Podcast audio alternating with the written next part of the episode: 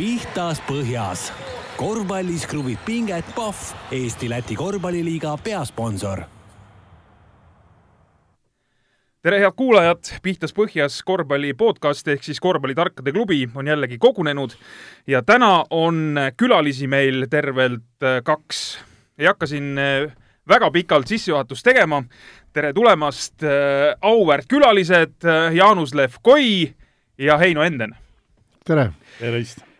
Miks, peamine põhjus, miks te siin olete, on muidugi see, et Jaanusel on mõne nädala pärast ümmargune sünnipäev, seitsekümmend, väga auväärt number, Jaanus, kas sa tegutsed jätkuvalt hasardiga, nagu sa oleksid nelikümmend või viiskümmend? no ma olen praegu kolmandat aastat Haapsalus ja, ja ausalt öeldes ma lähen täitsa rõõmuga trenni, sest on poisse nii väikseid kui ka suuremaid, ma tunnen ennast jälle vormis Äh, miks Heino siin on eelkõige sellepärast, et loomulikult me saame üldist korvpallijuttu ka ajada, aga eelkõige sellepärast, et sind võib vist nimetada Jaanus Levkoi kõige kuulsamaks õpilaseks, maailmameister, Euroopa meister, liidu meister ja mis kõik meistrid sinna otsa? no minu jaoks küll, jah. ega ma ei oska ka midagi selle peale rohkem kostada aga kokkupuudet on teil olnud tegelikult ju mitte ainult nii-öelda õpilane ja õpetaja, vaid tegelikult me jõuame sinnamaani ka, kus te Eesti koondises olite koos, Heino oli siis nii-öelda peamine vedur ja Jaanus toetas. jah, seda ka, aga ma tuleks natuke tagasi ajaloos ikkagi, et et see, et Jaanus oli mu nagu esimene treener, no nii-öelda treenerina ikkagi, kes tuli meid sealt klassist, tassis kogu poistesatsi sinna, siis ma arvan, et see, sellega Jaanuse tee-, teened minu nii-öelda karjääris veel ei piirdu, ma arvan, et võib-olla suuremad teened, noh, ma ei oska muidugi täpselt hinnata, kuidas on, aga kui ei oleks olnud seda äh, tuhande üheksasaja seitsmekümne kuuenda aasta detsembrit või jaanuari, kui sa mind kutsusid, mäletad, A-klassi viimast, kui ma olin veel kopsuhaige, kopsuhaiglas Tartus kutsus Jaanus mind, et kuule, et meil on viimane A-klassi aasta selle Keskrajooni spordikooliga, siis ta oli vist oktoobrirjoon või kumb ta nüüd oligi? Keskrajoon edasi jah, nimed, nimed on juba ära ununenud, vana mees, siis kutsus, et tule mängi, et noh, viimast korda koos sama punt, kes see nagu on ja, ja siis ma saingi arstidelt loa ja ma arvan, et mine tea, mis oleks olnud, kui seda kutset ei oleks olnud sest mul jäi veel üks klass seal õppida, võib-olla ma oleks jäänud siis Tartu, aga siis ma sain ikkagi, hakkasin natuke ennast seal nagu liigutama ja sain mängida ja, ja läks ka väga edukalt nii meeskonnaga kui isiklikult, siis, siis tähendab, sellest, ma arvan, sai hoo sisse võib-olla see ja võib-olla see oli ka nii-öelda väga noh, nagu tähenduslik äh, hetk kui, kui me tuleme sellesama momendi juurde, Jaanus, et ku, kus sa teadsid, et, et Heino on seal või sul oli kogu aeg käsi pulsil? no Heinoga juhtus ju see, et äh, me tulime ühelt äh, Moskva turniirilt tagasi ja Heino läks arstlikusse kontrolli ja avastati kopsutuberkuloos. ja esimene aasta ta oli puhtalt siin nõndanimetatud Poska tänaval või Leineri tänaval siis selles tuberkuloosi dispanseris ja teine aasta ta viidi juba Tartusse ja Tartust äh, ta vaikselt, ma juba kuulsin, et ta käib vaikselt võimlas loopimas ja siis ma alati, kui ta tuli Tallinnasse mulle mängima, siis ma sain arstilt loa, et äh, võtta teda, sest noh, haigus on selline, mis ei saa nii kergelt äh, olla ja ja jah, tõesti, see lõppes sellega, et me tulime Eesti meistriks A-klassis ja see oli tõeliselt äge mäng, kui seda meenutada nüüd pärastki järgi. kellega mängisite? Tartuga. Tartuga, jah. Tartus ja Tartus, jah? korvpall, tähendab, selles oligi lugu, et see oli praegu see vihje, et mängisite viis-seitsme vastu, tahtsid öelda? ei, ei, ei ole absoluutselt, ei olnud, ei, ei, me, me seda ma, mina ei mäleta, siis ei, ma mäletan seda mängu väga hästi ja kohtuniku kohta mul ei olnud midagi öelda, aga seal oli tõeliselt ka, kahe, kahe mängija, nagu öeldakse, või ütleme niiviisi, kahe võistkonna, noh, oli nagu duell, aga ma ütlen, et et Tartu poolt mängisid väga hästi, oli niisugune mängija nagu Urmas Merru ja äh, Tõnu Lust ja meil oli siis Heino Enden ja Eiki Spits, nii et noh, oli niisugune tõeliselt nauditav, mul on see tõeliselt meeles veel see, see võit ja, ja väga, väga vahva oli. Ja tegelikult ma natuke, Jaanus, sind parandan, sellepärast et viskamas üldse hakkasin ma käima pärast seda, kui sina mind kutsusid, et tule mängima, siis ma käisin Aarne, kõigepealt küsin arstide käest loa, ja siis käisin Arne Laasi juures küsimas, et kuule, et noh, trenni ma sul ei taha tulla segama, eks ole, ma pole midagi teinud, aga kas ma tohin sinna otsa korvi ääres seal päris uksest sisse tulles viskamas käis, ma mõned korrad sain seal käia, aga ma mängisin küll natukene, ma mängisin tervishoiutöötajate meeskonnas äh, Tartu mingitel meistrivõistlustel, kuna meie üks matemaatikaõpetaja mängis seal, ta kutsus, tule vahepeal mängima ja noh, ja eks mängimas ma natuke nagu käisin, aga trenni ma küll hakkasin, või noh, ütleme, et viskamas hakkasin käima küll siis, et äh, Jaanus, sa saad kahekümnendal märtsil seitsekümmend, me siin omavahel enne rääkisime kaheksateistkümneaastaselt alustasid treeneri tööd, mis tähendab seda, et kui sa jätkuvalt praegu oled treener, et sa oled üle viiekümne aasta olnud juba treener. kas Villand, kas Villand ei ole saanud? no Villand ausalt öeldes ei ole. selles mõttes, nagu ma ütlesin äsja, et äh, nüüd ma olen Haapsalus muidugi ja mulle see keskkond sinna, seal väga sobib. ja kui ausalt öelda, siis äh, ma võiks olla kakskümmend neli tundi saalis küll aga vaat võistelda enam ei taha. ja kuna ma ikkagi olen maksimaalne treener olnud eluaeg ja tahan olla ja siis praegu ma pean lihtsalt äh, endale aru andma, et äh, no vaat võistlus on niisugune närvipinge, et äh, olgu ta siis lastele või ükskõik kellele, nii et selles mõttes mäng on nagu raske. Äh, tuhat üheksasada kuuskümmend kaheksa lõpetasid SIK-i. täpselt nii. ehk Tallinn, äh, Tallinna spordiinternatkooli, mis on siis äh, vahepeal või ütleme, vahepeal muutus Eesti Spordigümnaasium ja siis muutus Audenteseks.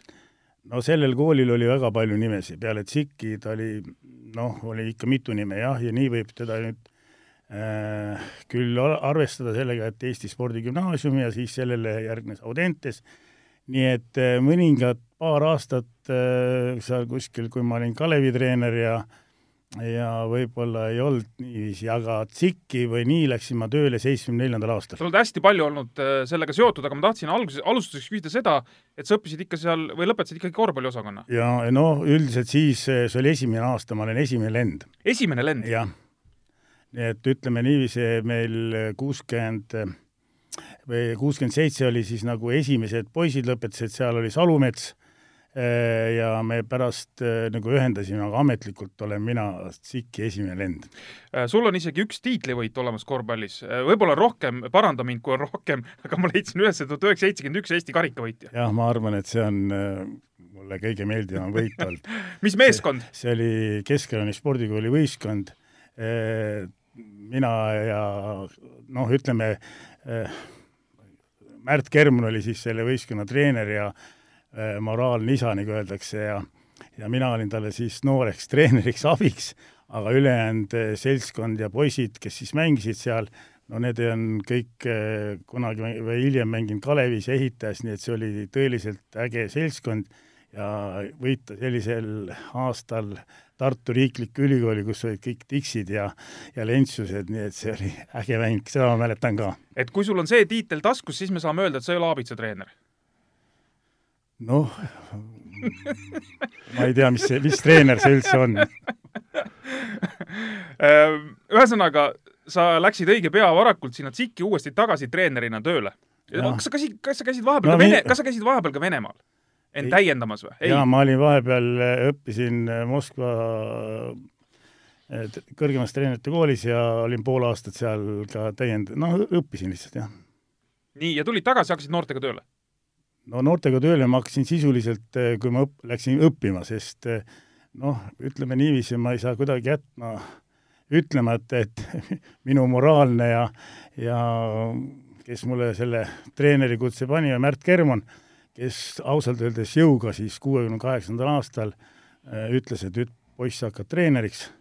Ja kui ma vist peda lõpetasin, siis ma arvan, et ma olin äh, selle võistkonnaga, kus Heino mängis, olin juba paar korda Eesti meistriks tulnud.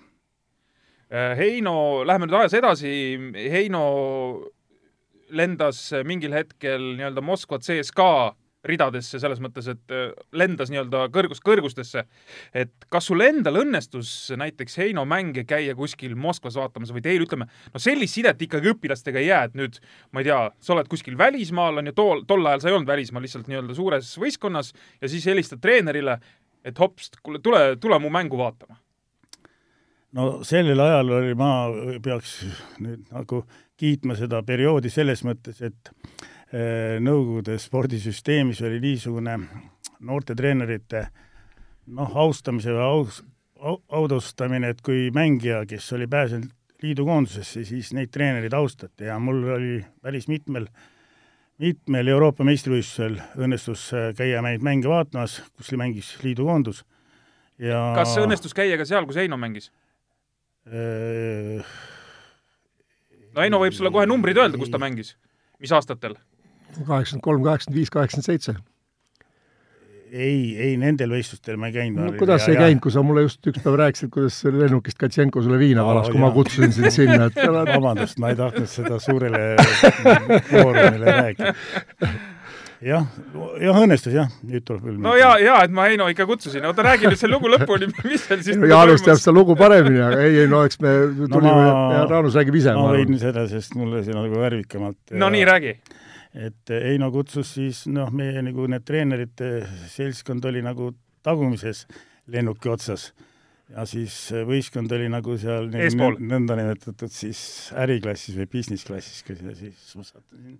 Heino siis viipab mulle ja ma siis no, küll läksin ja Heino siis tutvustab seal mängijat ja ütleb, et siin on mul treener ja ja seal istusid kaks noh, mitte väga lühikest mängijat, üks oli Katšenko ja teine oli Belostenni ma pakun kaks neliteist ja kaks mingi kaks kakskümmend. no ma arvan, et Katšenko oli pikem, kaks kakskümmend okay. lihtsalt. ja siis noh, Katšenko pilk oli selline, et no иди сюда, посмотрим, какой ты тренер. siis valati mulle klaasitäis viina. aga see oli nüüd minek või tulek ikka? see oli ikka tulek juba? see oli võidurõõm. see oli võidurõõm. aa, mis see oli? see oli kaheksakümmend viis. kaheksakümmend viis, te olite Euroopa meistrid ja see oli selles suhtes äh, veel märgiline, et mul sellel, sellel ajal sündis poeg. Nii et äh, tänu Niina Jerjomine ja Krikunile sain teada siis, et kuna me olime siis Saksamaal, nii et sellisel ja, ja said lennukis varbad kastetud? ja jah, sain ka varbad kastetud ja mind kinnitati ka treeneriks pidas katsumusele vastu? no nii, vot selliseid lugusid on päris huvitav kuulda, selles mõttes mitte seda nüüd lennuki lugu, aga üldse, et, et tol ajal oli see süsteem, kui su õpilane sai liidukoondisse, et siis neid treenereid ikkagi peeti ja, meeles. see on ju väga ja, kihvt tegelikult. ja, ja päris mitmetel need, ma mäletan, ma esimese äh, võis esimese Euroopa meistrivõistluse Itaalias, see oli seitsekümmend üheksa, ma olin nii noor mees, siis arvati, et ma olen nagu äh, KGB-st või kuidagi, et nii noor mees üldse selles võistkonnas saab olla. või selles äh, nii-öelda tiimis kaasas, delegatsioonis kaasas? delegatsioonis, jah minu teada kas kaheksakümmend kaks, ma nüüd ei mäleta, aga Lipso oli üks, kes käis ka seal Kolumbias vaatamas MM-i ja keegi oli veel, minu arust seal oli kolm eestlast oli, aga ma nüüd täpselt ei mäleta, kes nad olid, no me nendega väga kokku ei puutunud, et ikkagi seal oli no meeskond ajab oma asja, eks? Eh, kaheksakümmend kaks, siis tuletan meelde, kes ei tea, et eh, Heino Enden tuli maailmameistriks eh, Kolumbias. Nii, mis me sellest Vene ajast või Nõukogude ajast veel räägime, Heino tuli kaks korda liidu meistriks, tuli maailmameist-, maailmameistriks, tuli Euroopa meistriks ja sina siis käisid tiitlivõistlustel nüüd ülejäänud asjad, millest ma tahan rääkida, tulevad juba seal Eesti ajal või seal piiri peal, aga, aga äkki on veel midagi rääkida? no Jaanus? kindlasti kaheksakümmend neli Taskendis koolinoorte Spartakiaadi hõbe, kui noh, kaotasime ainult Ukrainale ja, ja Koborov mängis siis Ukrainal ja nii et noh, see, ma arvan, et see oli minu selle aja noh, ütleme nagu liidu meistriks tulime veel ka selle võistkonna, kus mängisid Pehka ja Tenno ja need, aga ütleme niiviisi, see kuuskümmend või tähendab, kaheksakümne neljandal aastal Taskendi koolinoorte Spartakiaad, see oli ka ikka üks väga ja see vanus on siis koolinoorte Spartakiaad kuni kaheksateist või, või mis vanus see on? jah, see oli kaheksateist, siis sellel aastakäik oli siis kuuskümmend seitse ja nooremad, noh selles no nimeta mõned mehed ka, kes seal särasid no, sul. Kuusma oli siis äh, Teppo Urmas äh,, Veiko Jurkatam äh,, Jüri Metsaorg, no need olid nagu vanemad ja siis selles, seal oli ka siis Rauno Pehka oli ka kaasas juba aga tema tõi esialgu rätikuid ja muid ei, ta asju. oli päris esimene, teine tulija juba. ah, oli juba, nii et ikka sai mängida? jaa, ikka sai. Nonii, Rauno käis siin alles, äh, Heino käis Raunoga siin alles vabaviskeid viskamas äh, Eesti korvpall sada üritustel. ma nägin seda üritust päris. jäid meeste visketehnikaga rahule siiamaani? no Rauno tabas momendi, et lauavõrk jõuab. Rauno, kes proovis enne järgida vana kala, nagu ta on kaval, et isegi Reikop ütles, et ta ei läinud, tema ka ei proovinud enne, kui ta, et noh, et oleks aus mäng, et siis ja aga Rauno tegi kuskil salaja väikse eeltöö ära, aga, aga me jõuame siis äh, Eesti aega, aga võib-olla siin on paslik nagu ära küsida, et et vaata, hästi tihti võrreldakse seda praegust Audentest, võrreldakse ka kunagise TSIK-iga või siis Eesti Spordigümnaasiumiga ja nii edasi. et justkui mingil ajaperioodil sealt tuli juba noorena nagu selline hea plejaad mängijaid. aga nüüd ütleme Eesti ajal, kui see asi on nagu Audenteseks muutunud, et siis nagu väga ei taha tulla, et kas nüüd tehakse midagi teistmoodi Äh, või, või see mäng on muutunud või, või me ei adu kõiki asju, mis seal nii-öelda kaasas käivad? no üks on kindlasti see, et TSIK-i ajal me saime need mängijad ja noored kätte juba ütleme isegi näiteks ma mäletan, Sokk tuli juba kuuendasse klassi ja Toomistid ja need tulid juba sellesse ja see on noh, kindel, et juba niisugust süsteemi sisse tulla, kus noh, treeningkoormused on vaieldamatult suuremad Äh, ma arvan, et äh, praegu ongi see viga, et äh, treenerid, saades need mängijad kätte sinna kümnendasse klassi, nad ei ole veel nagu nendega tuttavad ja see üleminek siis ütleme sellest noorte amatöörspordist, harrastusspordist profispordiks on juba natuke hiljaks jäänud, mina ütlen, see on minu arvamus.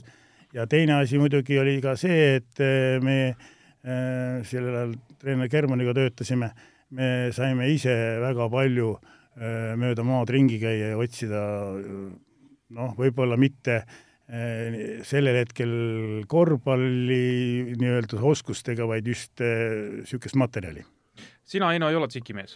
Eh, ma ei ole TSIK-is käinud, aga ma olen äh, ühel võistlusel TSIK-i küll esindanud ja see on sama aasta, seitsekümmend seitse kevadel, kui pärast, äh, kui ma veel olin ikkagi haiglas, siis pärast Eesti meistrite finaali kutsus, siis oli Märt Kerman minu arust seal TSIK-i treener ja Tartus samas korvpallikooli võimulas toimus mingi liidu meistrivõistluste alagrupi turniir ja ma olin siis ainukene nii-öelda, kes ei olnud spordiinternatkooli õpilane, siis ma olin siis tuberkuloosihaige, osalesin selles, sellel, selles võistkonnas siis nii-öelda esindasin TSIK-i, aga et, et võeti tugevduseks juurde? no ei tea, kas tugevuseks või ma ei oska seda öelda, seda peab nagu Märdi käest küsima, et seal polnud aega küsida, seal tuli kohe mängima hakata. üheksakümmend üks liidu meister, äh, Tallinna Kalev, kõik teavad, selle peal on siin räägitud noh, ka juba etteheitvas toonis, et me purjetasime ja lasime jala sirgu ja midagi ei teinud ja noh, mõtlesime, et kõik on väga vahva. aga me ei taha sellest täna rääkida. selle liidu meistritiitliga kaasnes see, et äh, Tallinna Kalev sai Euroliigasse. ja kes sai Tallinna Kalevi treeneriks selleks hooajaks kui Euroliigas mängiti Jaanus Levkoi. Nii see oli.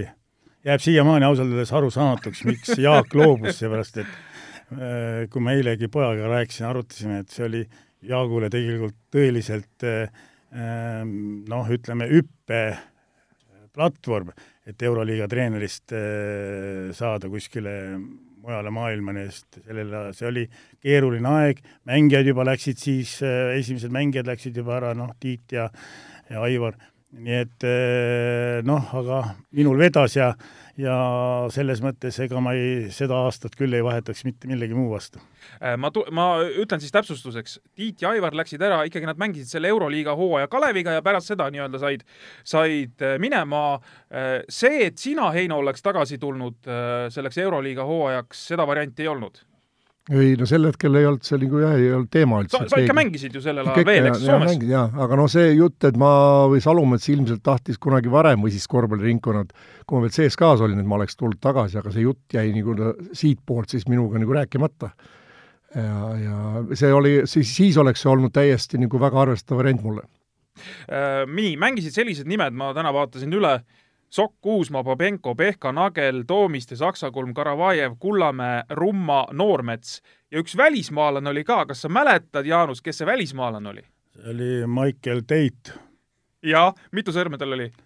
tal ühel käel olid jah, kolm sõrme kolm sõrme ja ma vaatasin, ta mängis viis mängu, et ta tuli kuskilt, kas ta, kas te saatsite ta minema või ta tuli poole pealt no,? tema mängu, mängija ostmine, ma ausalt öeldes imestan, et kuidas noh, minu jaoks ta oli muidugi, see aeg oli üldse selles suhtes, ma ei olnud üldse niisuguse asjaga tegelenud ja nii edasi, aga me olime, mängisime Gentis ühe turniiri, ühe mängu, siis ta mängis meiega kaasa ja ta tõeliselt hästi mängis. see oli siis äh, kas hooaja keskel või enne hooaja algust või? see oli enne hooaja algust ja ma mäletan ühte niisugust lauset ainult, et või pärast hiljem Tiit ütles, et need, vot need mustad oskavad ennast sellel hetkel äh, nagu öeldakse, näidata ja olla, sest ma mäletan seal äh, oli noh, päris mitme mängija vastu nagu taheti teda tagasi saada, aga noh, sellel hetkel noh, küsiti ka minu käest ja Riho küsis, et noh, et mis sa arvad, ma ütlesin, no näed, et näitajad on sellised ikka.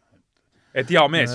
no ikka kolmekordselt tabel, tabel, nii et midagi ei saanud teha, aga siis noh, hiljem tuli välja, et äh, kuidagi noh, see isegi varbed ei olnud ka ühel jalal see oli, see, see oli ost, mida ma ei unusta. no aga, aga noh, asi tehtud ja mis seal ikka, et tagantjärgi päris lõbus eh, meenutada, aga, aga Euroliigast nagu sportliku poole pealt ka, et et seal oli siis kaks alagruppi, kaks kaheksast alagruppi ja Tallinna Kalev eh, mängis siis sellises alagrupis, ütleme, kus kõige kõvemad satsid siis lõpuks olid kümme võitu kogunud Bologna Knorr, kus sa meenutasid, oli treeneriks Ettore Messina. täpselt nii. ja me kaotasime selle mängu Bolognas noh, ausalt öeldes keeleliku viskega, kui nüüd tänapäevale korvpallipublikule selgeks teha, sest noh, see sööt lõigati meil vahelt ja mängija oli siis tuntud, ta oli sellel hetkel ka juba Euroopa üks paremaid tagamängijaid, praegu on ta treener, rahvusmeeskonna treener ja Juris Lovts. jah, ja, ja Sloveenia treener vist minu teada. ja, ja äh, püüdis selle söödu vahelt ja üle pea ta selle heitis ja ja sisse kukkus. ja sisse kukkus ja kuna seis oli viigis, pall meie käes ja noh, see on, see on, see on, see on õnnetus äh,. siis FC Barcelona ja Tel Avivi Maccabi ja kõik need satsid käisid meil siin Kalevi spordihallis. täpselt nii. Aga sa meenutasid ka seda seika, et äh, tol ajal käis äh, Jugoslaavia sõda, kodusõda. ja me neid Jugoslaavia võistkondadega mängisime kõik mängud Hispaanias. Ja reisimine käis mitte nagu tänasel päeval, et äh, tšarteriga me ei sõitnud et no tšarter tšarteriks, aga et lihtsalt lähed siin lennujaama ja kohe kihutad, kuni, käis läbi see, Moskva või kuni, kuidas te üldse reisisite, see oli oli väga, noh, läbi Moskva sai käidud ka ja mitu korda ja, ja ja ikka siit olla, sest mäletan, et noh, meil oli üks mäng enne kvalifikatsiooni, me pidime Šveitsi võistkonna Veveiga mängima ja siis mäletame, et äh, me olime öösel kuskil Prantsusmaal ja siis seesama Michael Tate tegi kogu võistkonnal makaronid välja, nii et no nii me sõitsime. Et see on jah, selles eluolu mõttes on, ütleme, tänapäevaga ju täielik noh, öö ja päev, et no ma arvan küll, et tänapäeval ükski vend ei tule lennuki poolega, kui nii peaks sõitma sa pidid, sa olid äh, selles mõttes treenerina sunnitud ka, ma ei tea, meestele bensiini välja ajama, ma ei tea, mingisuguseid teisi asju tegema veel no ühe meenutuse võiks teha, et äh, meil oli äh, Euroliiga mäng ja mulle helistatakse öösel kell kaks, et äh, kuule, treener, et teil on kogu võistkond Järve bensiinijaamas. ja noh, sõitsin siis oma Almaga, noh, armsa Žiguliga sõitsin siis Järve bensiinijaama ja tõesti, kõik, Babenko, Karavajev, Nagelid ja kõik olid kanistritega seal ees ja meil oli üks väga hea niisugune füsioterapeut Jürviste, kes siis organiseeris kogu selle äh, bensiini seal ja siis noh, sai tõesti rahva käest paluda, et lubage need mehed koju magama, et ja et homme on meil Euroliiga mäng. noh, hommikul jõudsime siis Kalevi halli trenni, nelikümmend kanistrit bensiini oli maja ees ilusti reas, mehed tegid trenni ära ja õhtul me võitsime selle mängu ja nad seisid seal järve, jaamas sellepärast, et, et saaks kütust autole. jah, sest äh, bensiinijärjekord oli alla sinna järve Selverini, kui te kujutate ette praegu. jaa, olid, olid ajad ja, ja kogu selle eluolu peale siis Tallinna Kalev sai ikkagi kolm võitu Euroligast kätte ka, nii et äh, päris kuivale me ei jäänud ja häbisse äh, kahtlemata mitte. jah, päris mitu mängu oli tõesti nii-öelda, et mäletan Tel Aviviski Maccabi vastu jäime kolmega vist kaotasime ainult ja kaks niisugust õnnetut viimase sekundi visket äh, oli ka, kus äh, Berasovitš viskas veel üle äh, kuskilt üheksa pealt äh, lauapõrkega, nii et noh, oli mänge. Õnneks on need osaliselt mul veel jäädvustatud ja meenutada saab Heino, sina said oma meistrite või need, mitte meistrite liiga, vaid äh, ütleme, Euroliiga või tol-, toona toona ta oli ikkagi ju no oli ikka sama, teise nime all lihtsalt, eurokarikas, aga samas oli et sina said ju need varem kõik kätte juba. jaa, ikka, noh, CSKA. sul nagu selles, selles mõttes midagi ei kripelda, et sa nüüd ei saanud, äh, ma ei tea, seda sarja Kaleviga mängida? mis, mis see aitaks praegu isegi kui kripelda, ka ei kripelda muidugi. ei, ma mõtlen toona, ise mitte nagu praegu. ei, ei, ei. et sina said ikkagi oma noosi juba varem kätte, eks? no ikka aga sa tulid äh, Eesti koondisesse äh, siis, kui meil avanes võimalus mängida Barcelona olümpialiiga lisakvalifikatsiooniturniiril, võiks vist nii öelda, eks, et seal oli see riikide äh, paisumine, Nõukogude Liit lagunes, seal Ju-, Jugosla- või see Balkani poolsaar, eks, siis tuli hästi palju riike juurde, kõik tahtsid pääseda olümpiale. Ja see valik, lisavalikturniir minu arust korraldati lausa kahekümne nelja riigi vahel või hästi palju riike oli seal igal juhul. Ja Jaanus Eesti koondise peatreener, Heino, sina tulid ka sinna mängima, see oli Hispaanias. Jah, suvel. Ja nüüd siin on ikka etteheide konkreetne Jaanusele, et miks sa ei viinud Eesti koondist Barcelona olümpiale, me saaks öelda, et me mängisime Dream tiimiga ja mine tea, mis seal kõik oleks juhtunud. No alagrupp oli selline, et eh, jah, ega sisuliselt me olime ju liidu meistrid ja ja oleks võinud ju olla ja niiviisi, aga kui nüüd meenutada, ma meenut-, noh, päris hästi mäletan, siis SRÜ mängis seal juba eh, oma koosseisuga, see oli praktiliselt Venemaa koondis, seal oli veel Miglineks mängis lätlastel kas Volkov ka vist oli või? ja vist oli küll. Volkov- jaa, jaa, jaa, Volkov Volkov oli ka, jah. Isegi Volkov. Piltku me seal oleme ühes toas ja, olnud. ja, just. ja, ja Tihonenko oli.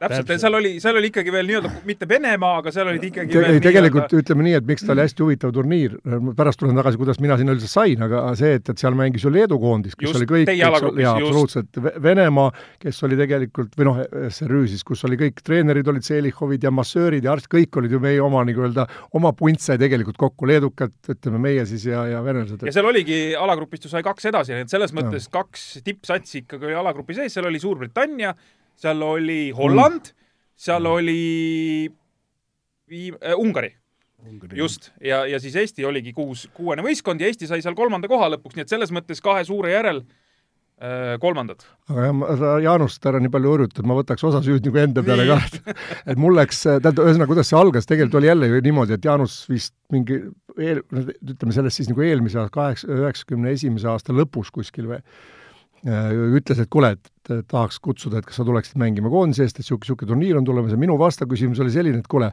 kui sa mäletad, ma vist helistasin sulle veel, küsin, et kuule, kas sa tahad mind sinna nii-öelda noh, maskotiks või tahad sa reaalselt, et ma nagu mängiks ja nagu meeskonda aitaks ja Jaanus ütles ei, ikka täie tõsidusega, tahan mängima, siis ma hakkasin nii-öelda reaalselt trenni tegema selle nimel. ikka Soomes ma küll olin, eks ole, ma käisin siin osades laagrites ja noh, siis see aeg oli nagu ta oli, nagu bensuaeg oli, lubati katta kõik mu sealt äraoleku kulud, aga noh, muidugi lõppude lõpuks ma leidsin sealt ise ühe sponsori, mis oli Husqvarna, aga miks ma nagu ütlen, sellepärast et ma osa süüd võtan enda peale, et tegelikult me selle meeskonnaga, seal olid ju ikkagi Tiit ja, ja Aivar ja Pehka ja Kullamäe ja Pabenko ja noh, Pabenkoga olin ma mänginud ju koos kas, kas võib öelda, et Eesti oli nii-öelda parima tiimiga seal või? või oli keegi puudu ka või? Ei olnud minu teada kedagi Ei olnud, kõik, kõik Kõik olid nagu olemas. Ja, kõik ja ütleme, et me tänu siin, siis ma tulin ka esimest korda Eesti meistriks selle meeskonnaga siin mängisime, me leidsime väga hea nii-öelda kõla, noh, Tiiduga ja nende ikkagi kogenud mängijatega oli väga lihtne kokku mängida, no Pabenkoga ma olin koondises olnud, aga mul läks Soomes eh, nii-öelda üksi treenides, ma seal võtsin omad ajad saalis ja ühe siis Soome mängijaga tegime üks-üks ja ühesõnaga viskevõist-, ühesõnaga hästi intensiivset trenni ja üks, üks-üks mängul ma läbiminekul pidurdasin nii, et mul hüppeliiges mitte ei väänanud välja, vaid mul jalg sõitis nagu ettepoole üle osa ja alumine nii-öelda päkaosa jäi paigale ja mul läks see nii kõvasti välja, et tegelikult lõppu ma, või noh, sellest alates ma mängisingi ainult süstidega, et et osa vist Riias ma jätsin mõned mängud vahele ja, ja kõik ja Trein Jalak tegi mulle süste, tänu sellele ma üldse sain nagu mängida. et minu panus jäi kindlasti palju väiksemaks, mida oli nagu plaanitud ja oodatud ja mida ma ise ka, et see natuke tegi nagu niisugust no treenerina ma ikkagi äh, nägin Einos kui just niisuguse vahelüli niisugune tagameeste ja siis edurivi vahel, nii et äh, ma arvan, et et äh, teades ja see Euroliiga hooaeg, kui näljased korvil olid ülejäänud mängijad, siis äh, tead, tundes ja teades Heino ambitsioone, talle meeldib võib-olla rohkem neid häid sööte anda, nii et see oli ka üks minu kindel niisugune treeneri vaatevink, et et just, et siduda seda, neid eh, korvinäljas mängijaid, et, et need jagada seda palli. selle olümpia lisavalikturniiriga sai sinu aeg, Jaanus, ütleme siis Eesti meestekoondise peatreenerina otsa või tuli veel midagi? siis see jah, see oli viimane aasta mul. või tähendab, et selles mõttes jah, aga peatreenerina. jah, peatreenerina, aga sa said abitreenerina olla siis veel juures, koondise juures Heino kaks oli, valitsüklit oli see või kaks jah. kaks valitsüklit, kui Heino oli peatreener. See oli siis ka, äh, ütleme umbes kümnend hiljem, eks, kaks tuhat kaks kuni kaks tuhat 2001. kaks tuhat üks kuni kaks tuhat neli sügisel algas jah. mm. -hmm. ja see oli siis juba Heino valik. et sa Jah. et sa no ütleme nii, et ausalt öeldes mul oli äh, nagu plaan või eesmärk, et meil oleks ikkagi, oleks kaks abitreenerit olnud, oleks, ma pakkusin seda Tiit Sookule mitmeid kordi, üks kolm korda ütles ära, siis kui ma neljas kord ikka läksin, no meil oli vaja, no ütleme, noh, selline kooslus oleks, ma leidsin, et see oleks meil kõige parem olnud sellel ajal ja, ja siis neljas kord Tiit mulle ütles, et õhtul veel rääkisime, ütles jah, okei okay,, et ma olen ikka nõus tulema ja siis, aga hommikul pool äh, kaheksa helistas mulle tagasi ja ütles, et ei, ma ikkagi mõtlesin ümber. Et ja selle väikse arutelu tulemusena ta ikkagi loobus, et, et natuke, aga ja, ja siis ega väga noh, väga meie ajal vist ega ei tahetud ka meile seda kolmandat treenerit nii-öelda anda, et või noh, ütleme, kolmekesi oleksime, et umbes rahapuudus ja nii edasi, aga aga ikkagi see noh, oleks Tiit nõus olnud, ma arvan, me oleks selle ikkagi liigu läbi surunud. Sa, aga sel ajal sa olid ju ikkagi Audenteses nii-öelda igapäevatööd tegid ju Audentese treenerina, Jaanus, eks on ju? jaa et poistetreener olin. ja sa oled äh, eelnevalt ju siis veel tulnud ka kolmel korral Eesti meistriks äh, treenerina, tegelikult on neid tiitleid rohkem, ma lihtsalt ei tea äkki. ma ka tõesti ei tea, neid on palju. Neid on palju, jah? sellepärast, et no ma loen nagu iseseisvuse ajal üheksakümne esimesest aastast, siis nagu Astoga sai eh, olla Kaleviga võitsid, eks, Astoga, jaa. Neid, neid, neid, neid momente on olnud, jah ja Asto oli ju tegelikult selles mõttes üldse huvitav punt, kas see, kas see tuligi, kasvaski välja selle kooli baasil nagu või? ei, Asto sai, nagu öeldakse, kuidas öelda, niisuguse otsusega jälle heade noh, sponsorite ja metseenide mm, tagajärjel, kes pakkusid välja võimaluse nendele poistele, kes ei pääsenud Kalevisse ja muidugi seal oli väga palju ka minu neid eh, noh, endisi oma õpilasi, noh, eh, Suurorud, Kalle Anti, Lips, Varblane, Tenno, no neid poisse oli palju, aga tegelikult eh, sellele eelnevalt oli juba palju isegi, ma mäletan seal Kullamäe ja Noormets ja ja niisugused mängijad ka osalesid nagu selles minu protsessis ja ma mäletan, me pidime ühele Rootsi turneele minema ja siis äh, Jaagul nagu sellel hetkel Kalevisse mänge ei jätkunud ja siis eh, noh, ta otsustasime niiviisi, et noh, et ma ütlesin, et noh, võta nüüd kõik Kalevisse, keda sul vaja on, aga järgmisi sa pead juba hakkama ostma, sellepärast siis tekkis see Asto lepingute värk ja siis nagu öeldakse, eh, alternatiivne klubi Kalevile hakkaski siis eh, klubi, ütleme, korvpall oli siis Asto, Baltika, hakkas elavnema, hakkas elavnema, eks? hakkasid niisugused klubid tekkima ja noh, ma arvan, et selle sünni juures ma olen küll nüüd olnud. Äh, ja üks vägev seik on veel, Heino on ka käinud hiljem universiaadil äh, koondisega, aga üheksakümmend kolm, kas käis üldse esimest korda Eesti eraldi võistkonnaga universiaadil? jah, see oli ka äh, Ameerikas Buffalo. jaa, Buffalos ja seal me tulime ameeriklastega said mängida? üheksa üheksandaks sai koht oli, aga see oli ka meie enda, nagu öeldakse, Tarvi Uusen oli väga tegus poiss sellel ajal ja tema nagu hakkas äh, rääkima, et teeme selle võistkonna ja noh, see oli tõeliselt äh, vahva turnee ja see mäng, esimene mäng oli meil tegelikult Gaboniga. ja noh, ma ei kujutanud ette, need tulid nii mustad olid väljakul, aga kuna nendel on neoonriided, siis nad särasid seal ja me võitsime neid seal kuskil neljakümne punktiga ja järgmisele mängule pidime ameeriklastega minema, siis kolmene alagrupp oli ja siis mäng hilines selle tõttu, et äh, mulle käest küsiti, et äh, kas mäng võib hilineda pool tundi, ma ütlesin, milles küsimus on siis jah, et rahvas ostab pileteid, et äh, rahvale nagu anda võimalus õigel ajal mängu alustada.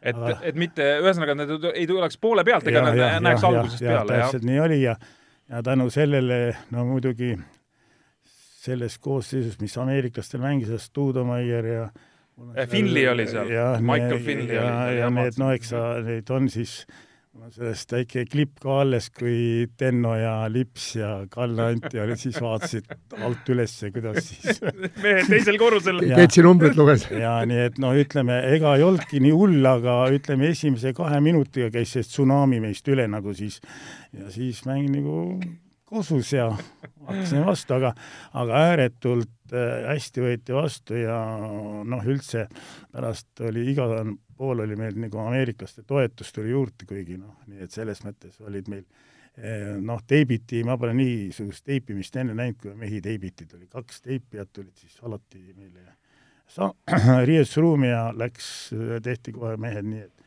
aga mängisime küllaltki hästi, me võitsime sealt Türgit ja ja Kreekat ja niisuguseid võistkondi. ma usun, et sellised turniirid jäävad ikkagi väga eredalt meelde ja muide, äh, teie vist Kanadaga seal ei kohtunud minu meelest, aga seal mängis ka Steve Nash äh, sellel turniiril. võib-olla küll jah, nii et aga noh, meil maksimaalselt mängisime oma koha välja, sest äh, oli niiviisi, et kolmene alagrupp oli esimesed, esimesed alagrupi esimesed mängivad esimesest kaheksandani, teised mängisid ja noh, me saime seal siis nagu öeldakse, ei, me kaotasime ikka selle üheksakümne kümnendaga mängus. jaa, te kaotasite, jaa, siis jäite kümnendaks, just, jäite kümnendaks ja Heino siis tegi teie tulemuse üle aastal kaks tuhat kolm. kolm, jah. kolm vist, eks ole. Jaanus ka ju kaasas. aa, ah, Jaanus oli ka kaasas, aa, okei tegelikult selle kaks tuhat kolm kohta ma nagu tahaks öelda. ja see oli Lõuna-Koreas? see oli Lõuna-Koreas jah, et meil ja. oli tegelikult oli, oli väga-väga hea koosseis, et me saime ikkagi noh, eesliin, meil oli ainuke mees, kes puudu oli, oli Tanel Tein, keda siis Poola klubi ei lubanud äh, sinna kaasa sõita ja vaat see turniir, mis me mängisime Saksamaal, mille me väga tugeva turniiri ära võitsime,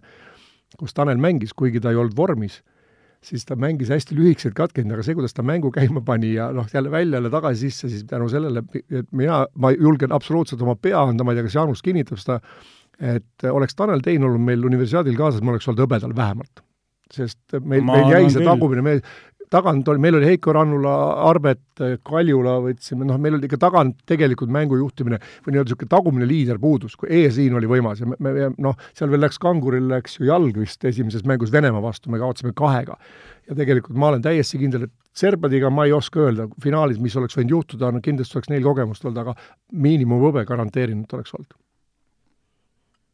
aga see jäi tulemata. sa oled nõus, jah? nõus, jah mm. -hmm. sest äh, tõsiselt jäi, ma mäletan ühte mängu, mis meil oli väga raske ja ja tagumine liin jäi tõesti Heiko Rannula ei jõudnud nagu enam ja siis ma mäletan, ma Gregorile nagu ütlesin, et aita teda ja siis Gregor oli nii, läks välja nagu hetkel, aga ta oli kõik, see, oli kõik nagu mänguline hästi-hästi hea kooslus oli.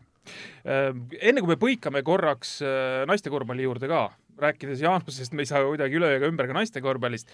Äh, teie kui, kui endised Eesti koondise peatreenerid, noh, nii võib ju öelda et äh, Tallinna Kalev oli küll, aga Eesti koondis tegelikult. Äh, Heino, sina oled Eesti koondise peatreener olnud, äh, nüüd meil algas uus valitsustsükkel, kaks mängu on mängitud, ma usun, te ikkagi nägite neid mänge, ma ei tea, kas te päris saalis mina, mina kahjuks ei näinud üldse, sest ma ei olin ära, ma olin ah, jah, ma olin Austrias okay. mägedes ja seal ma ei näinud mänge okay.. ma aga... jälgisin küll nii-öelda Delfi vahendusel seda asja. aga, aga Jaanus, mis, mis muljed on jäänud ja, ja, ja kuidas sulle, kuidas sulle nagu see kuidas ma ütlen siis, et, et see koondise pilt nagu meeldib, et mida nad teevad ja mängivad ja, ja kuidas see kõik välja näeb? mulle ägedalt meeldib. ja just mulle meeldib, ükskõik, kes võib-olla ei meeldi see jutt, aga mulle meeldib, et, et nüüd on tulnud nagu uus hingamine ja, ja ei ole ka võistkonnas noh, ma võin öelda nii, vanakesi, kes nõuavad palli ja kes kehtestavad oma seadused ja reeglid. tundub, et äh, see uljus on praegu Äh, väga hästi löönud motivatsiooni, nüüd on vaja see uljus panna, nagu öeldakse, raamidesse ja et sellest ka tulemust teha. ja noh, kui nüüd, äh, kui ma ütlen, et äh, tuleb ikkagi leida võimalus näiteks ka Veidemannile näiteks Itaalia vastu mängus, midagi ei ole teha, ma olen treener ja ma oleks kasutanud Veidemanni, kui teisel poolel, kui mäng jäi nii ümmarguseks, aga ikkagi ma kiidan, kiidan seda kooslust ja seda, seda vauhti ja see oli vägev jaa, kusjuures ma olen sinuga täiesti nõus, ka ma olin saalis ja mulle tundus, et seal oleks pidanud kellegi mängu panema vahepeal, kes teravusi loob. et läks väga ümmarguseks mäng, aga, aga ma küsin siia otsa kohe, et, et mehed, see, et soomlane tuleb nüüd vägesid juhatama Eestisse, see kuidagi käib treeneritele nagu pihta ka või, või ei käi pihta? Minul ei käi, ma ei, ei pretendeerinud, oleks ma ei, ei, ma isegi ei mõtle, et aga, aga ei, ma arvan, et äh, noh, e-, eks ütleme ausalt, ma ei hakka nimesid nimetama, aga üks-kaks varianti võib-olla oleks olnud, keda mina oleks näinud üldse Eestis, kes oleks võinud võtta selle, on see sa mõtled nagu eestlastest? eestlastest mm -hmm. jaa, ja et ja noh, siis ütleme ka, et, et nagu proovida, anda neile aasta või kaks aega ja proovida, aga, aga noh, Toialat mina treenerina ka ei tunne, aga selles mõttes ma olen nagu Jaanusega nõus, kuigi ma mängu ei näinud, ma olen nende, noh, nende mängijate osa, suurema osa mängu ikkagi mingil hetkel näinud ja, ja seda on näha, et need mehed on, kuidas öelda, mis on nagu e-, edasiviiv jõud või motivatsioon, ongi see, et on konkurents, sa pead ennast kehtestama ja teine on see, et kui sa tunned, et sa oma tööd tehes arened. ehk mida Kullamäe ütles ka, eks ole, oma poja kohta, et ta nii palju selle nimel vaeva nägi, kui ta näeb, et sellest tuleb tulemus, see annab ju lisamotivatsiooni. ja teine on see igapäevane konkurents ja kuna nad on niisugustes klubides väljas, kus nad peavad ennast tõestama, kuna nad on väljamaal, siis seda on näha kui kõrgel nende nüüd nagu tiivad kandma hakkavad ja see selgub siin lähiaastatel, et, et noh, ütleme nüüd alati no lihtsam on nagu tulla alt, eks ole, ja ka sinna püsima jääda või edasi hakata minema ja stabiilsust säilitada, vot see on see, mis ka koondise nimel nagu, selle nimel tuleb tööd teha, aga selles mõttes mina mängu ei näinud, aga ma jälgisin ja, ja mul tegelikult vaatasin nagu statistikat, et jah, miks Veidemann nii vähe saab. ja selles suhtes ma olen täiesti nõus, et, et mängu lõppu võidavad ikkagi kogenud mängijad, kes oskavad neid mängida, teavad, mida teha ja siin oleks pidanud tõesti kasutama nagu nende, niisugune Veidemanni, võib-olla ta ise poleks neid võib-olla korvigi ära teinud, aga ta oleks palju õigel ajal õigesse kohta pannud, õigel ajal teravust loonud ja nii edasi. või mõned vabavisked. absoluutselt, just täpselt, et see no, kogemus maksab, kuidas neid, neid tasavägiseid otsustavaid mänge võidetakse. Itaalia jagas ära, et äh, korvi alt korvi ei tule. ja enam äh, ei mindud appi ei seal Venele ega Kitsingule ja ja nüüd enam ei olnud kuhugi välja sööta ja see mäng jäi tõsiselt, no vot, midagi ei ole teha, et ma olen treener, ma ikkagi analüüsin ja mõtlen selles mõttes, et ei, mida ma oleks teinud teistmoodi. absoluutselt, see on arusaadav ka. vanasti, Jaanus, Soomes käimised olid, no isegi kui sa läksid turniirile, selline turismireis, eks? no palju ei tohtinud võita, sest siis ei kutsutud enam. Ja nüüd me oleme siis sellises seisus, et me, me noh, et ütleme, soomlased on tegelikult meist korvpallis mööda läinud.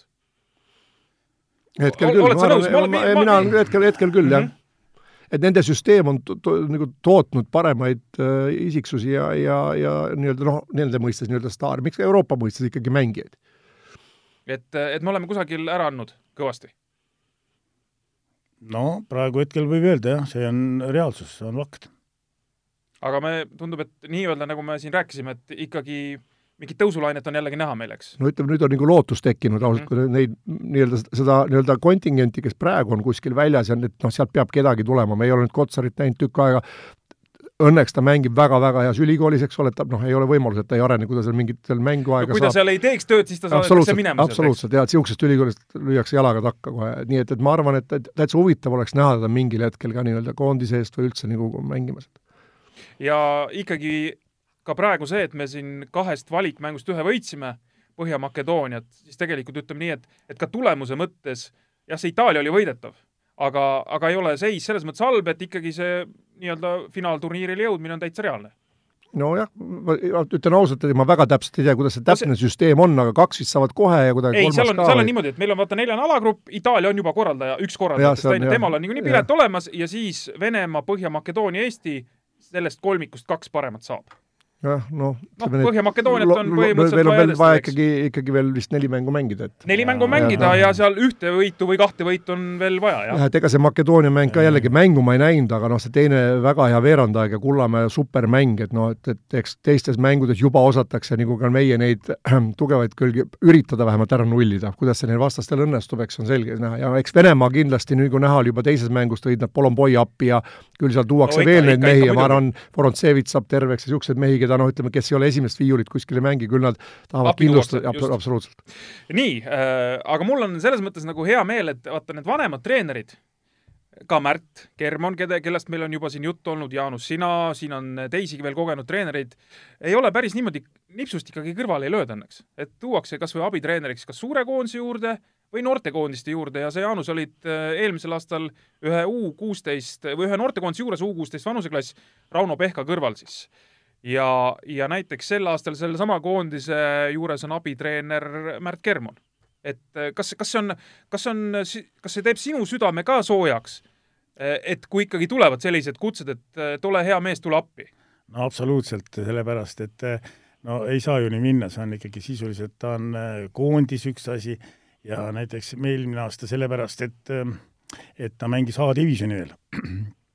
see oli tohutu vastutusrikas ja noh, midagi ei ole teha, materjal oli, no jäi meil natuke kesiseks aga poisid mängisid hästi, aga selge see, täie vastutustundega äh, tuleb äh, seda, seda abi osutada ja, ja oma kogemusi anda edasi, nii et äh, mina sain küll väga hea äh, ja kooli isegi ma sain väga palju juurde veel, et, et ei olegi see korvpall veel eh, ammendunud.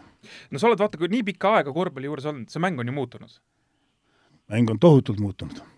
kui raske on sellega kaasas käia või leppida, selles mõttes leppida, et et no mis asja, need asjad ju ei tööta enam, mida mina seal, ma ei tea, mingi aeg tagasi tegin, et nüüd tuleb hakata noh, nii-öelda muu, ennast ka muutma et kaasas käima ajaga. absoluutselt ja sellepärast no ütleme, kas või see mängutaktika on selle võrra nii palju muutnud, et mängijate, mängijate, üksikute mängijate individuaalne meisterlikkus on niivõrd palju kõrge, et eh, võib-olla teatud niisugused noh, liikumised eh, põhinevadki ainult selle peale, et mängijate individuaalne meisterlikkus on niivõrd palju parem ja, ja liikumised ei ole enam äh, enam sellised, nagu olid võib-olla üheksakümnendal aastal, ütleme niiviisi. ei no mitte, ja ei olegi, eks. ja, ja, ja teine asi, mis ma tahan öelda, mängu kaitsemäng on tohutult muutunud, ei ole niiviisi, et noh, praegu ikka võetakse hammastega, ütleme niiviisi. no on liigasid, kus ei võeta, et kus tehakse ainult punkte, ma siin vihjan NBA-le, et kus siis noh, las mehed panevad nelikümmend, viiskümmend ja seda saame müüa. seal on show rohkem, seda see müübki seal absoluutselt ja sellepärast ega seal,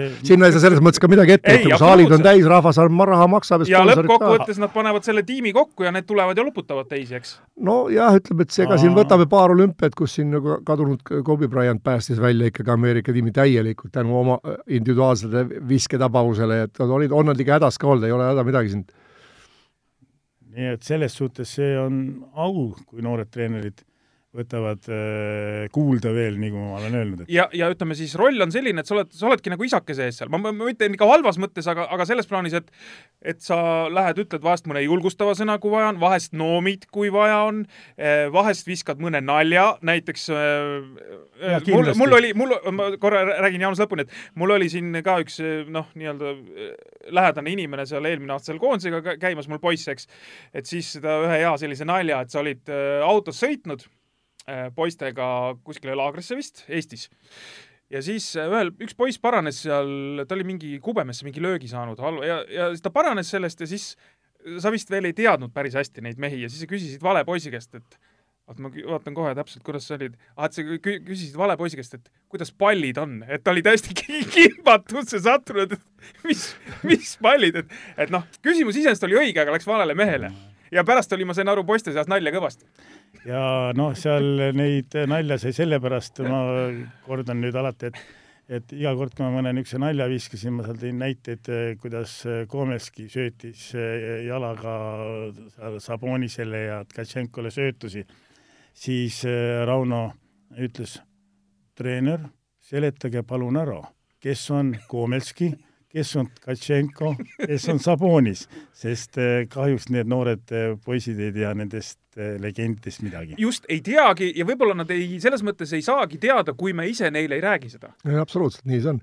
aga ma tuleks selle juurde tagasi, et see, et, et sellist oskusi nagu ära kasutada, mina olen oma nagu mõttes kogu aeg olnud, et me, meil Eestis tegelikult hästi palju sellist potentsiaali jäetakse kasutamata noh, mina, kui ma olen, olin treener, siis ma alati käisin igal pool, ma käisin Ivkovitši trennis, küsisin, vaatasin, see on ju sinu, sa nagu ise otsustad, mida sa võtad. näiteks kui ma olin Soomes, siis selline äh, legendaarne jäähokitreener nagu Vladimir Jurzinov oli Turu palloseura peatreener seal väga-väga pikka aega, nad võitsid seal Soome ja ta üks kuus-seitse korda kutsus mind, et palun tule Tamperest turgu nädalavahetuseks, istud mul treeningutel üleval seal lae all, tribüüni all ja, ja ütled mulle, et kuhu võiks esimene sööt minna, kuhu võiks järgmine mees lõigata jäähoki väljakul, kuna noh, mängu ülesehitus on ju sama. meil kahjuks kunagi see ei õnnestunud, kuna ma olin siis sel ajal ka treener ja meil neid päevi kunagi saada ei olnud, vaata mina juba seda kutset hindan, kui tark on treener, et sa kutsud teise spordi uue nägemusega. ja siis ma annan talle selle ära kolme päeva jooksul, näiteks oleks andnud, et ta oleks vaadanud, et mis sealt võtta on, absoluutselt, kas leiab mingi uue idee, aga vot see on treeneri tarkus. Et sa ei häbene nagu küsida, et, et keegi meist ei ole nagu, nagu, nagu ideaalne, eks ole jaa, ei see on kindlasti, et et äh, sa ei saa ju kõike ise osata, et selles mõttes alati kellelgi kuskil võivad olla mingid teistsugused mõtted ja, ja seal ei ole kõik ei ole kuld, aga, aga võib-olla annab midagi välja loopida, eks. ega ongi, et ütleme, selliste kogenud mängijate, mitte ainult treener, vaid ka mängijate roll võikski olla see, et ta läheks mingit mängu vaatama, mängu või treeningut vaatama ja näid-, ütleks oma arvamuse, et vot seal on niisugune asi, sest treener, sa harjud mingite rutiinidega ära ja sa enam ei pane tähele nüansse, mis võivad osutuda väga tähtsateks, et see asi võiks olla küll väga nagu siit on hea minna nüüd naiste korvpalli, aa, sa tahad veel lisada? ma tahan ühe asja veel lisada selle juurde, see on, ma mäletan äh, Tsiki ajast, Eesti Spordigümnaasiumi aeg, kui Heino Kreevalt võttis mind ja Heino Rebast äh, iga esmaspäeva hommiku ette ja me pidime aru andma talle äh, mängude kohta, kuidas me mängisime, mismoodi ja miks me nii tegime ja miks me naa tegime, noh, Heinoga pärast arutasime, ise sai meie käest tappa ja Rahter sai tappa sealt aasta käest ja nii edasi, Balti käest. aga ikkagi noh, oli, aga see oli tohutu analüüsimise koht, kus noh, oma tarkusele said hoopis teise, teise jume. ei, nii on. aga naiste korvpallist ka, Jaanus, kas äh, sa oleks tahtnud naistekoondisega veel töötada või, või saigi isu täis sel hetkel, kui sa läksid siis Haapsallu ära?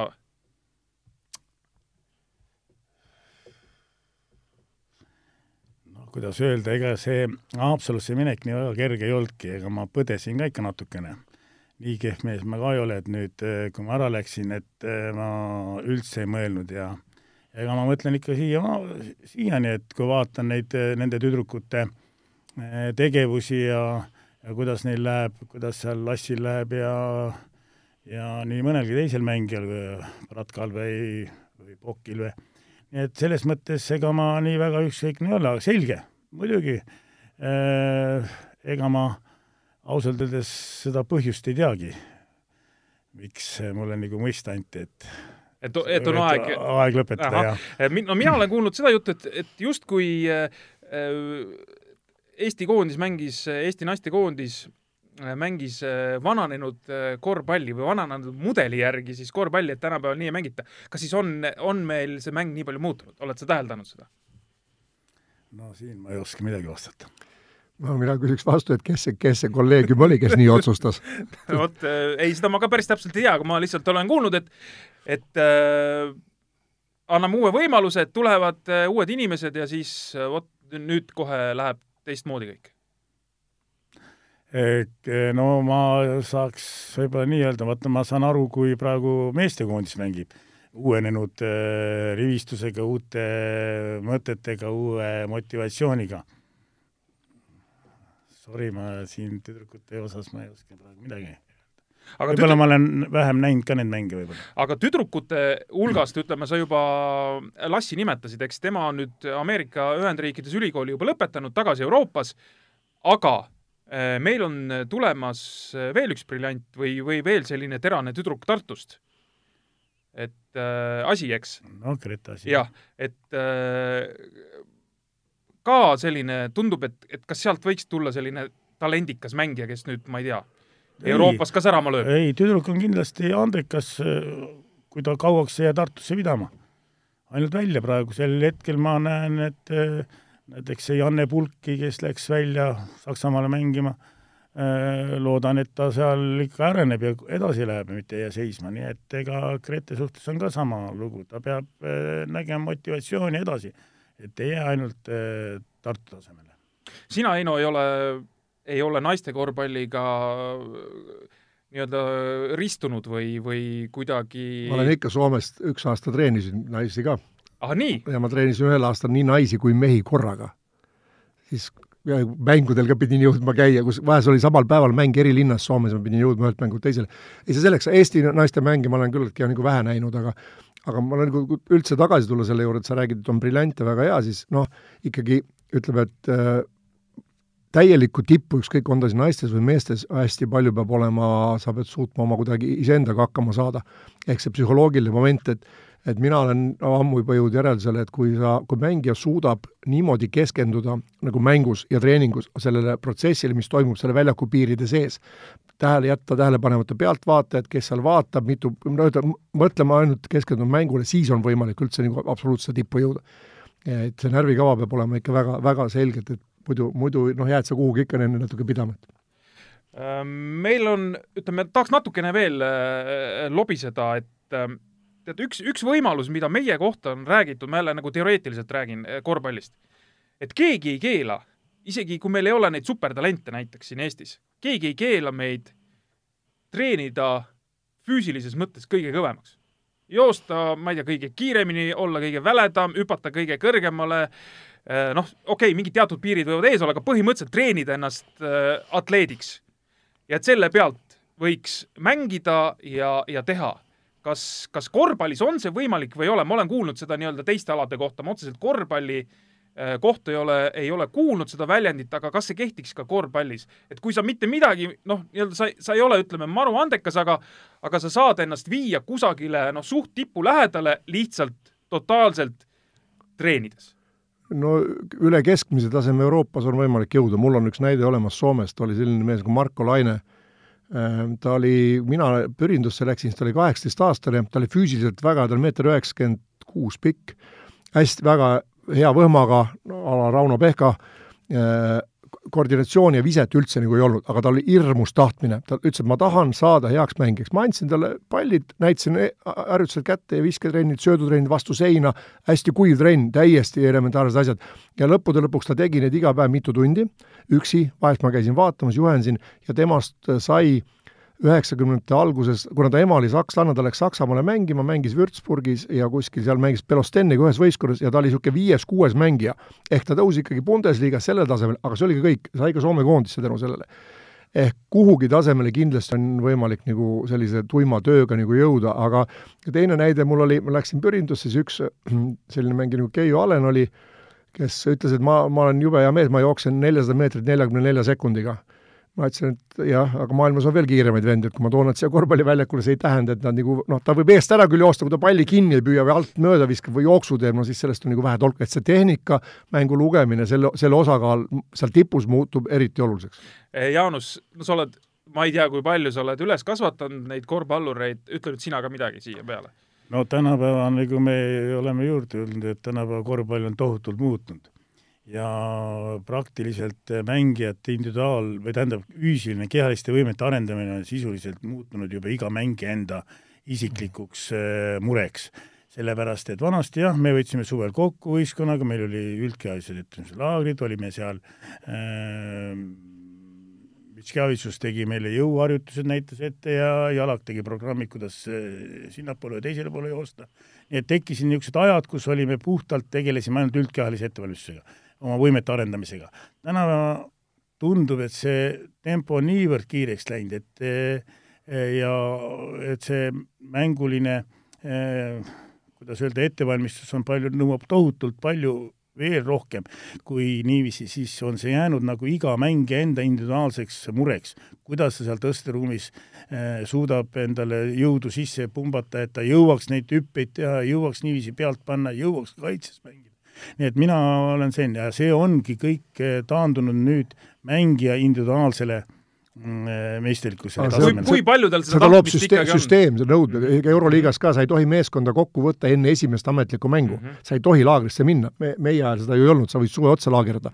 ja tänu sellele see oli nii-öelda, nüüd on individuaaltreenerite kontrolli all ja kõik ju samamoodi, ainult et tehakse eraldi, et ei ole meeskond koos, ei ela laagris, sa ei tohi meeskonnatreeninguid läbi viia enne äh, ma lihtsalt jälle siin üks näide, et ütleme, kas oli nüüd voor või kaks tagasi Euroliigas äh, nädala mängija koefitsiendi alusel siis, mis seal mängudes näidati, eks see efektiivsuskoefitsient, Islandi poiss Martin Hermanson, sada üheksakümmend pikkust, täiesti tavaline kuju ja, ja süda tilgub verd, et miks ei võiks üks Eesti mees olla seal mingi nädala mängija, aga meil ei olegi seal praegu ühtegi venda, kes Euroliigas üldse mängiks. lihtsalt no ta ei ole mingi ekstra kuju, no sa vaatad talle otsa, täiesti tavaline täiesti tavaline, mitte ma ei taha öelda mingi rea, loomulikult on tubli korvpallur, hea korvpallur ja nii edasi, aga miks ei võiks seal olla mõni samasugune eestlane? No see on ikkagi, kes oli see mängija, meeter, meeter viiskümmend üheksa, käis Tartus mängimas kunagi Eurokapi mängija, kuidas küsiti, et kuidas niisuguse pikkusega on võimalik mängida, siis teed, kui pallikäsitlus ja korv ja, ja nagu mängu lugemine ehk on, on selge, siis võid päris kaugele sellega jõuda, et siin, siin ongi sama vastus sulle, et miks, et ta ei pea seal pumpama omal neid lihaseid, ta ei pea ühtegi korda võib-olla kogu elu jooksul pealt ka panema, ei ole üldse vajadust selleks, et ta teeb oma muu töö ära, kasulikkuse ja hoopis midagi muud. aga selle mängu muutumise juurde kindlasti on mäng muutunud aga ma ütlen veel, et iga, iga äh, ütleme, plejaadi tippmängijad, alates kas või seal Tomsonist ja Lipsost ja edasi, kes iganes, lööks läbi igal ajal, kui ta, ta teaks, ta, tal on eesmärk, ta näeb, mismoodi peab tegema, ta vastavalt teeb trenni, sest see kõik on, muu on ju olemas. Äh, jah. ma kiirelt räägiks äh, niisuguse näite, kui ma viimast korda olin tüdrukute treener, oli Bosnias olime ja ja siis peale turniiri ma tahtsin Islandi treeneriga saime kokku ja, ja ma ütlesin, ma tulen Islandile sulle külla. sest me siin Põhjamaadel olime neid võitnud kuskil ja aga nemad mängisid seal äh, Bosnias imehästi ja tulid kuskil kuuendaks-seitsmendaks niiviisi üldse. et ma tulen külla sulle, et ma tahaks näha, mida sa teed. ta ehmatas nii ära, ütles, et et, et ei, praegu küll ei saa, et nad lähevad koju ja nad peavad kõik jalgpalli minema mängima. ja siis eh, natukese arvas, et nad peavad käsipalli minema mängima. Ja vot siis võib-olla ma saan korvpalliks kokku ja noh, kui vaadata, siis nende Islandi võistkonna stiil ongi, et äh, ringkaitse ja kõik jooksevad. just, füüsiliselt tugevad ja, ja võitlevad no ääretult. ääretult ja, ja nii ongi, see ongi üks nende edu, edu pante. ja, ja lõpetuseks veel üks, üks selline teooria, või, või küsimus teile, mehed, kus maalt siis tuleb hakata üldse nendel noortel nii-öelda tulemuse peale, tulemuse peale mängima, kus maalt mängiti vanasti tulemuse peale, et sa võid anda juba piitsa ja nõuda? Tänasel päeval me läheme aina leebemaks nende, nende nõudmiste osas, on ju, ma, ma pean sport ja mingid muud teised asjad veel, eks siin võtame koolid, et äh, ma tean ühte spordiala Eestis nüüd, kes näiteks U viisteist meistrivõistlused kaotab ära.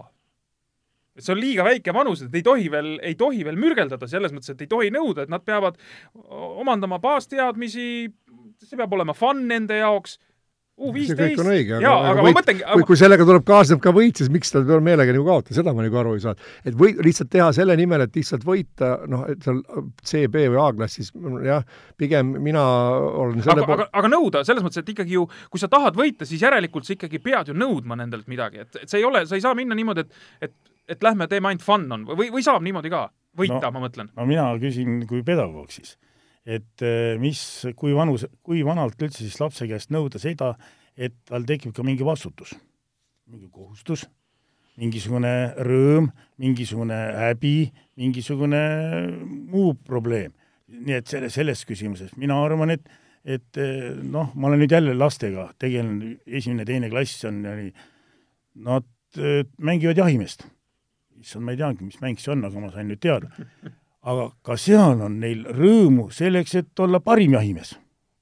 nii et noh, mina arvan, et laps tahab igal juhul eh, ennast esile tõsta ja, ja see, aga see on nüüd treeneri meisterlikkus.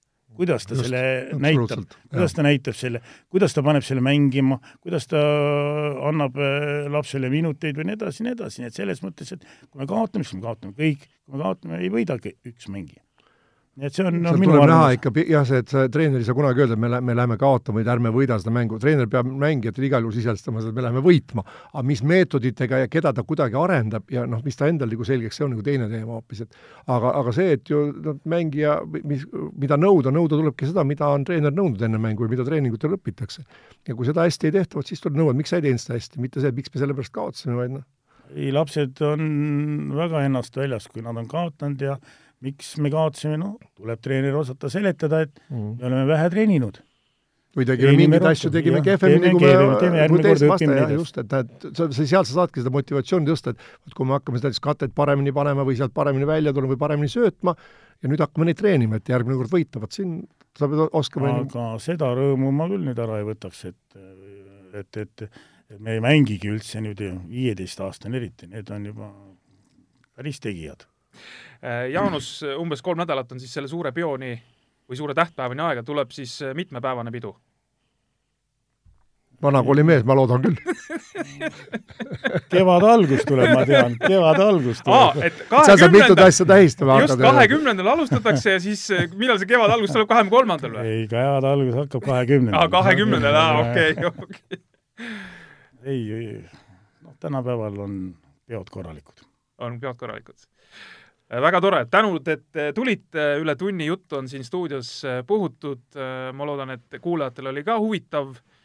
head pidu, ma loodan, et sind peetakse meeles, Jaanus, et see ei ole mingi üleskutse, aga ma lihtsalt loodan, et inimesed nii-öelda mäletavad ja, ja tähistavad, õnnitlevad sind.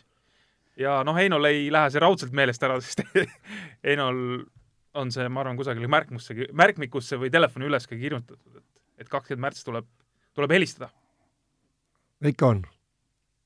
aitäh veel kord ja, ja tahad sa lõpetuseks veel midagi, Jaanus, öelda? aitäh! aitäh! nii, meil uued jutud äh, nädala aja pärast, siis juba uus külaline, nii et äh, kuulmiseni! pihtas põhjas korvpallis kruvib pinget Pahv, Eesti-Läti korvpalliliiga peasponsor